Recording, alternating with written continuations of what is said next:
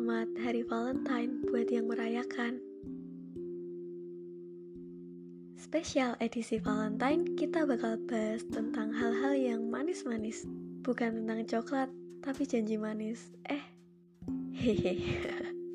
Menurutku, topik ini adalah topik yang juga menarik dan asik buat dibahas karena jujur saja apa yang kutuangkan dalam podcast ini adalah hasil dari pemikiran dan kayak apa ya pertimbangan-pertimbangan pribadi. Oh, lebih tepatnya refleksi mungkin. Apakah aku sedang menyayangi seseorang, menyukai seseorang, atau hanya sekedar main-main? Setidaknya beberapa hal ini bisa sedikit membuka pandangan kita apakah pasangan kita tuh hanya janji-janji manis doang atau enggak.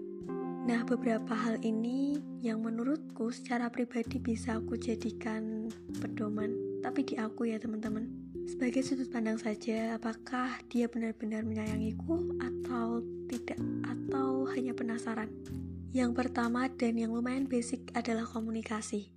Kalau memang benar-benar saling menyayangi dan saling serius satu sama lain, maka sama-sama paham bahwa komunikasi dan berkabar itu adalah hal yang penting mau sesibuk apa pun kita tapi seberapa lama sih waktu yang dibutuhkan untuk sekedar ngasih kabar lagi di mana atau saling tanya kabar baik-baik aja atau enggak? Yang kedua tentang manajemen emosional. Agak kompleks tapi aku mau menspesifikkan dalam hal yang lebih khusus. Jadi kalau misalnya kita lagi unmood atau sedih atau bosen ke mana kita akan lari itu adalah menentukan sebenarnya kita itu membutuhkan pasangan kita atau tidak dan kalau ketika saat itu pasanganmu bahkan gak ada atau gak terlintas di pikiranmu, maka ya artinya belum siap buat menjalani hubungan itu.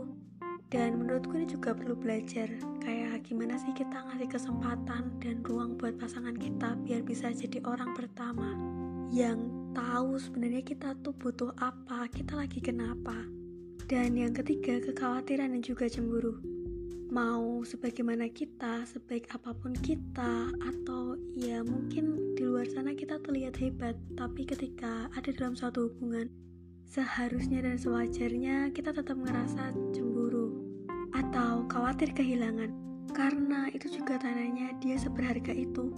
Jadi kalau kita mungkin ada di suatu hubungan dan nggak ngerasa cemburu atau khawatir, mungkin kamu hanya penasaran dan sebaiknya jangan diteruskan untuk tidak saling menyakiti. Keempat, rahasia. Ketika kita benar-benar sayang sama pasangan kita, berarti nggak ada yang namanya, duh, kayaknya dia nggak perlu tahu deh tentang hal ini. Banyak yang disembunyikan.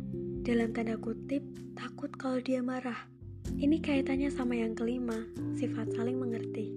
Mungkin kita lagi bikin salah, atau kita lagi terlibat masalah apa pun itu kita juga harus cerita sama pasangan kita. Sebenarnya kayak gini loh. Dan pastinya memberikan penjelasan kenapa bisa sampai hal itu terjadi.